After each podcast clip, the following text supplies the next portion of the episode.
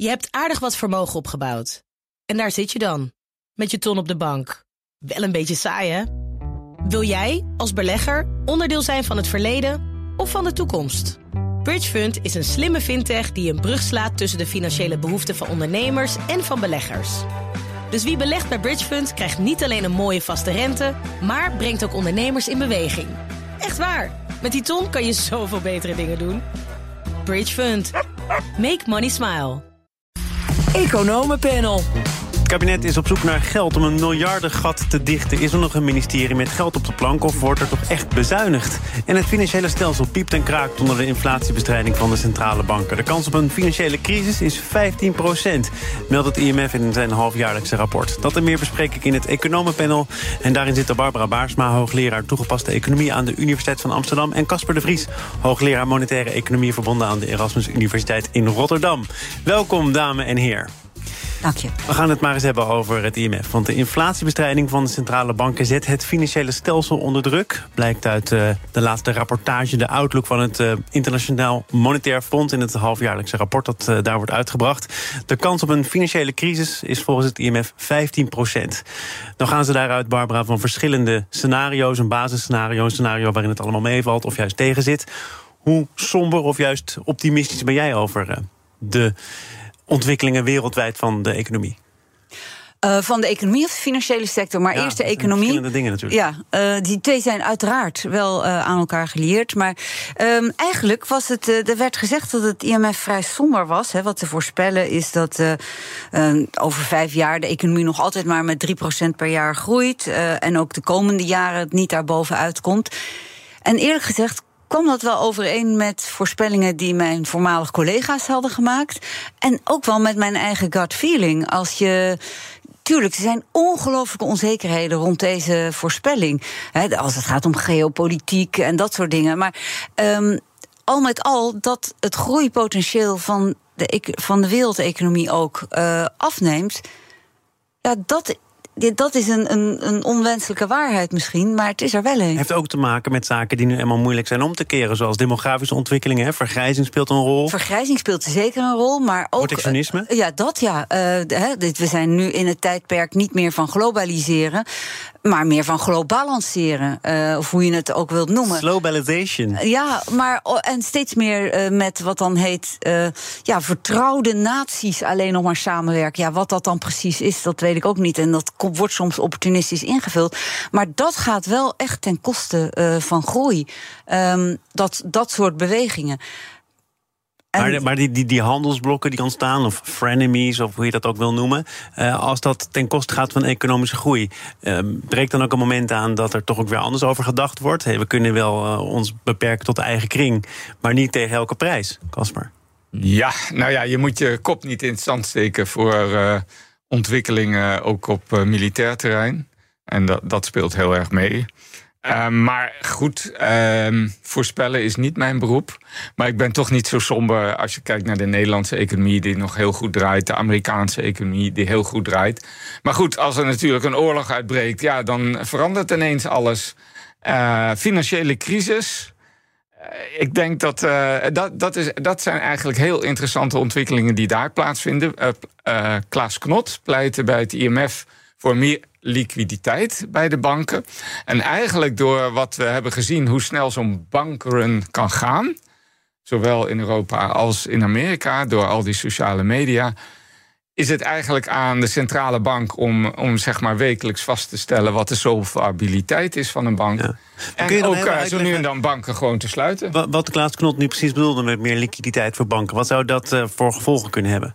Nou uh, ja, dus, dus de, de, meer, de solvabiliteit die moet. Hè, op, een bank, op een moment dat een bank solvabel is, kan de ECB of de centrale bank gewoon liquiditeit verstrekken. En dat moeten ze dus veel sneller doen op grotere schaal. En dan moeten ze dus eigenlijk per week bijhouden wat de solvabiliteit is. Uh, ja, maar kijk, ik snap dat. Hè? Dus ik, ik snap ook de opmerking van Klaas Knot dat in dit huidige digitale tijdperk, maar inderdaad met uh, paniekaanvallen via social media die zich nog sneller uh, bekendmaken dan, dan daarvoor al, dat daar in één dag ineens 42 miljard bij een relatief kleine bank kan worden weggetrokken. Maar ik zeg het al, per dag. Ja, als je dan, per dus week gaat kijken, dan is dat nog. Hè, dus je zou eigenlijk nog nauwer moeten kijken. En, um, ja, maar per, per, dag verandert de solvabiliteit niet. Nee, Want de solvabiliteit die hangt af van de kredietportefeuille van een bank. En die kan je toch vrij goed vaststellen. En als een centrale bank haar werk doet, moeten ze dat uh, kunnen doen. En moeten ze dan uh, op zo'n moment ook uh, ongelimiteerd liquiditeit verschaffen. Dat is het oude recept. Ja. En eigenlijk moeten centrale banken dus harder aan het werk. En er is nog een leuk dingetje aan, hier aan vast. Toenemend enthousiasme bij Casper de Vries. Ja, ja, ja, in het begin uh, waren ook de DNB en, en de BIS, de Bank of International Settlements, waren heel erg tegen CBDC, Centrale Bank Digital Currency. En nu zien we dat eigenlijk. Uh, op, omdat er dan makkelijk een bankrun zou kunnen ontstaan. En nu zien we dat dat toch al gebeurt.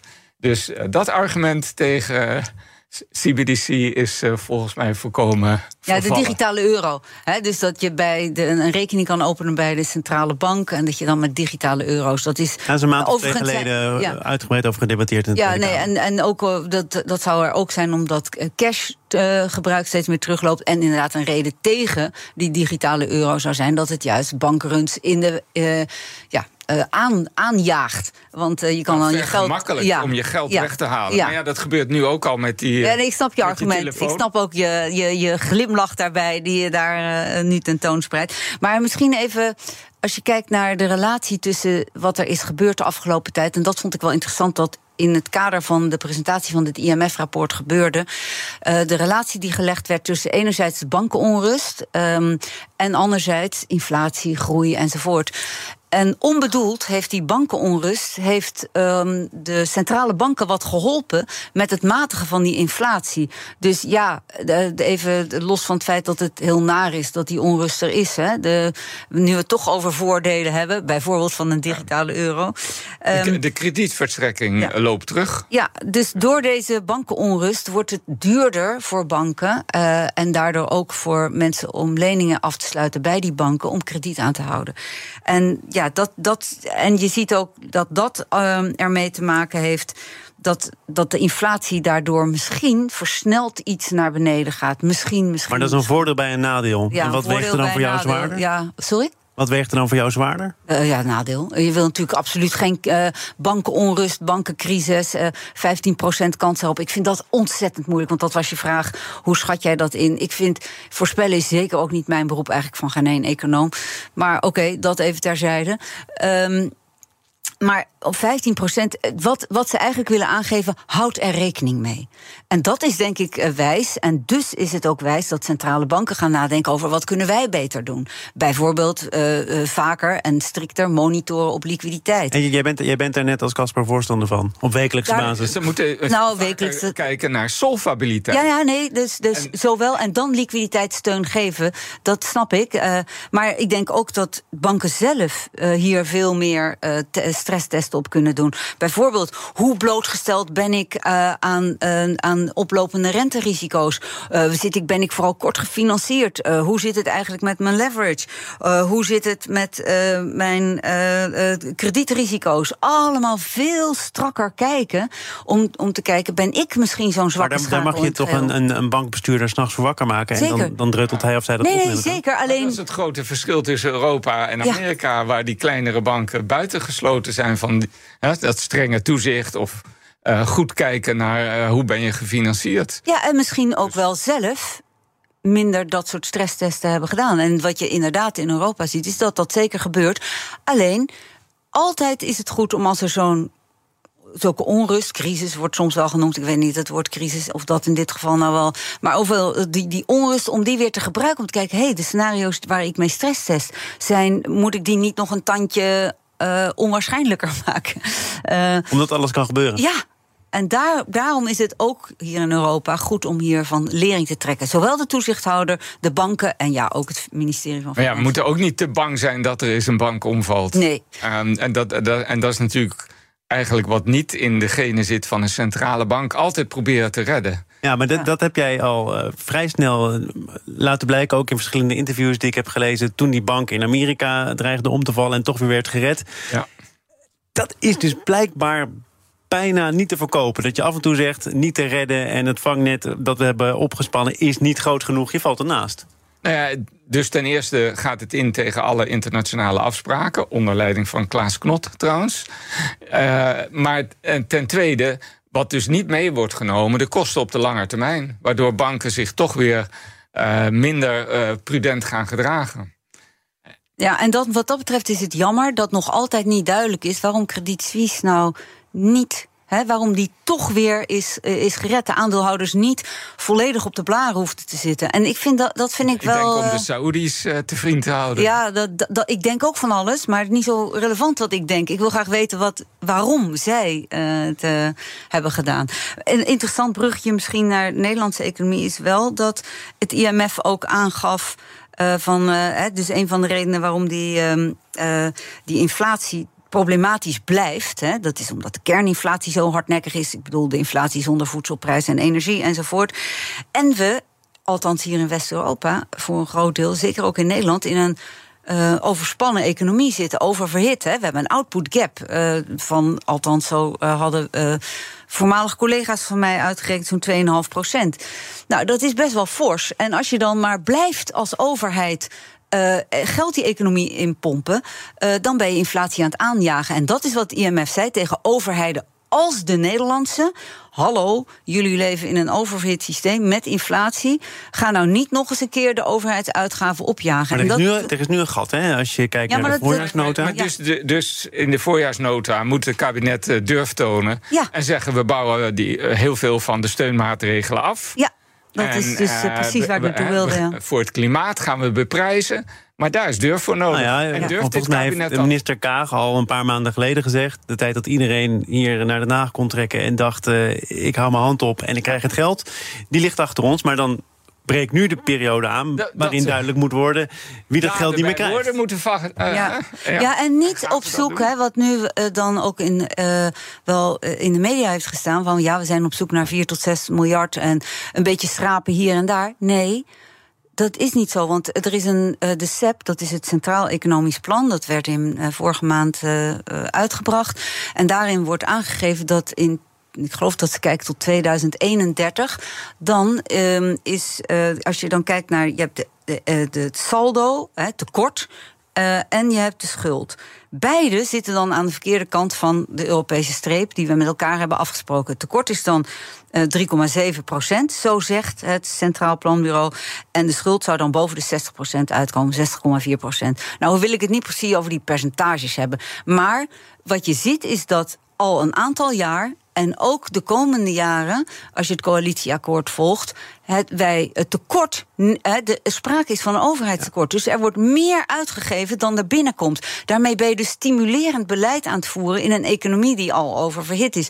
Nou snap ik best dat in een coronacrisis dat is echt iets anders in dat eerste jaar dat je hulppakketten opzet. En ik denk ook dat ze daar echt het goede hebben gedaan. Maar nu, deze massieve, ongerichte compensatiesteun in een energiecrisis dat is gewoon, dat, ja, daar ga je nu van op de blaren zitten. En dan moet je nu niet gaan schrapen bij het ene ministerie, daar een beetje en daar een beetje. Maar dat energieplafond gaat er volgend jaar toch heel anders uitzien als er nog een energieplafond is? Ja, volgens nou, mij wordt daar politiek Prima, maar ze hebben nu een tekort. En nu gaan ze dus. Ik, ik ben tegen het geschraap. En ik ben met Casper voor een paar systematische verbeteringen van onze economie. Die, ja, echt. Dus, dus uh, kijk naar de zorguitgaven. Dat is een soort zelfreizend bakmeel. Dat echt maar door en door. Dat is niet te betalen op lange termijn. Laten we dan nu kijken hoe we daar een aantal ah. verstandige in, in, dit, in dit regeerakkoord staat toch ook dat er in de zorg wordt omgebogen. Dus minder meer wordt uitgegeven. Ja, minder meer, want dat is altijd wordt bezuinigd op de ah, zorg. Dat is maar niet ik zeg hier ombuiging, hè? Ja, zo heet dat volgens mij. Ja, dat is heel goed van jou. Dus die ombuigingen, die moeten er ook komen. maar die is natuurlijk ook een totale angsthaas en alleen maar voor compenseren. We leven in een compensatiesamenleving en dat gaat op een bepaald moment niet goed. Nee, dat gaat maar bij, de zorg. Hè, dus je hebt, in Nederland hebben wij zijn heel rijk als land. Als je kijkt naar het BBP per inwoner. Maar als je dan kijkt wat mensen vrij besteedbaar hebben in hun portemonnee, er zit daar een gigantisch gat tussen. En dat is volgens mij en dat is voor de Kamer belangrijk om te weten, de vruchtbare bodem onder heel veel van de onvrede die er is. Hé, hey, ik woon in een rijk land, maar ik voel me arm. Rara, hoe kan dat? Nou, tussen dat gat, daar zit onder andere allerlei verplichte uitgaven, zoals pensioenbesparingen, zoals belastingen en ja, ook de zorguitgaven. En daarom moeten we daar iets aan doen. Wil je dat gat niet nog groter maken? Dus dat lijkt me slim beleid. En verder, Um, nou, deze week is dat uitgekomen. Het is eerlijk gezegd al eerder gezegd. Doe iets aan die toeslagen. Doe iets aan uh, het hele ingewikkelde belastingstelsel. dat heel veel economische groei kost in plaats van dat het oplevert.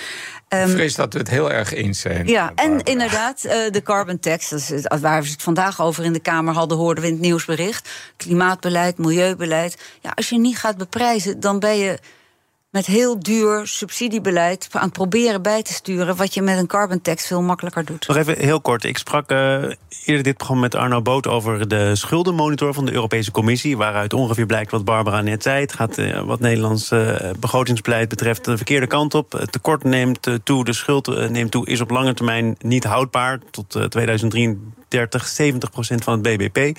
Arno Boot zei dat is te pessimistisch. Wij hebben als Nederland cultuur om, voordat het gierend uit de hand loopt, toch orde op zaken te stellen. Zover laten wij het niet komen.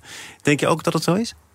Oeh, nou ja, dat hangt uh, toch totaal af van. Uh, de steun die het kabinet krijgt, of, of volgende kabinetten. Maar een ordentlich um, begrotingsbeleid is toch best een Nederlandse tra traditie? Nee, het is zeker een traditie. Ja, of dat werkt. Ik, ik bedoel, dit is. Uh, speculeren naar de toekomst toe. Ik, ik, nee, je kunt je ook baseren op het je moet, uh, je moet, en dat denk ik, dat hoor ik ook bij Barbara... je moet gewoon vandaag al uh, stappen zetten. En als je dat niet doet, ja, dan, dan ben je eigenlijk uh, een dokter... die niet de maatregelen wil nemen... waardoor er stinkende wonden aan, ontstaan. Ik denk dat, dat wij heus nu ook dat het zal lukken om uh, aan de goede kant van die streep te komen. Um, en het begrotingsbeleid op orde te krijgen. Alleen met wat voor soort maatregelen? Ben je klein grut schraapmaatregelen aan het nemen?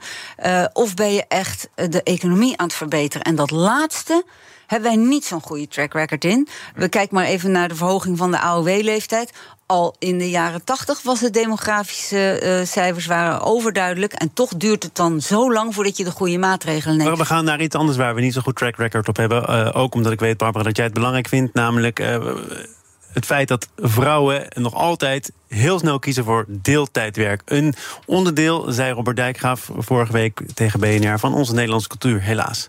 ja, die traditionele rolverdeling in Nederland, die, die, die is ja, heel prominent. En die werkt natuurlijk op alle mogelijke manieren door. Minder pensioenopbouw, uh, minder economische, financiële onafhankelijkheid uh, van vrouwen. Barbara, opleiding afgemaakt, samenwonend, nog geen kind.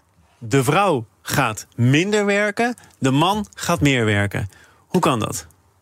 Nou, dat is denk ik uh, waar wat uh, Robert Dijkgraaf daar zegt. Dat is een heel ingewikkeld samenspel en dat noemen we cultuur.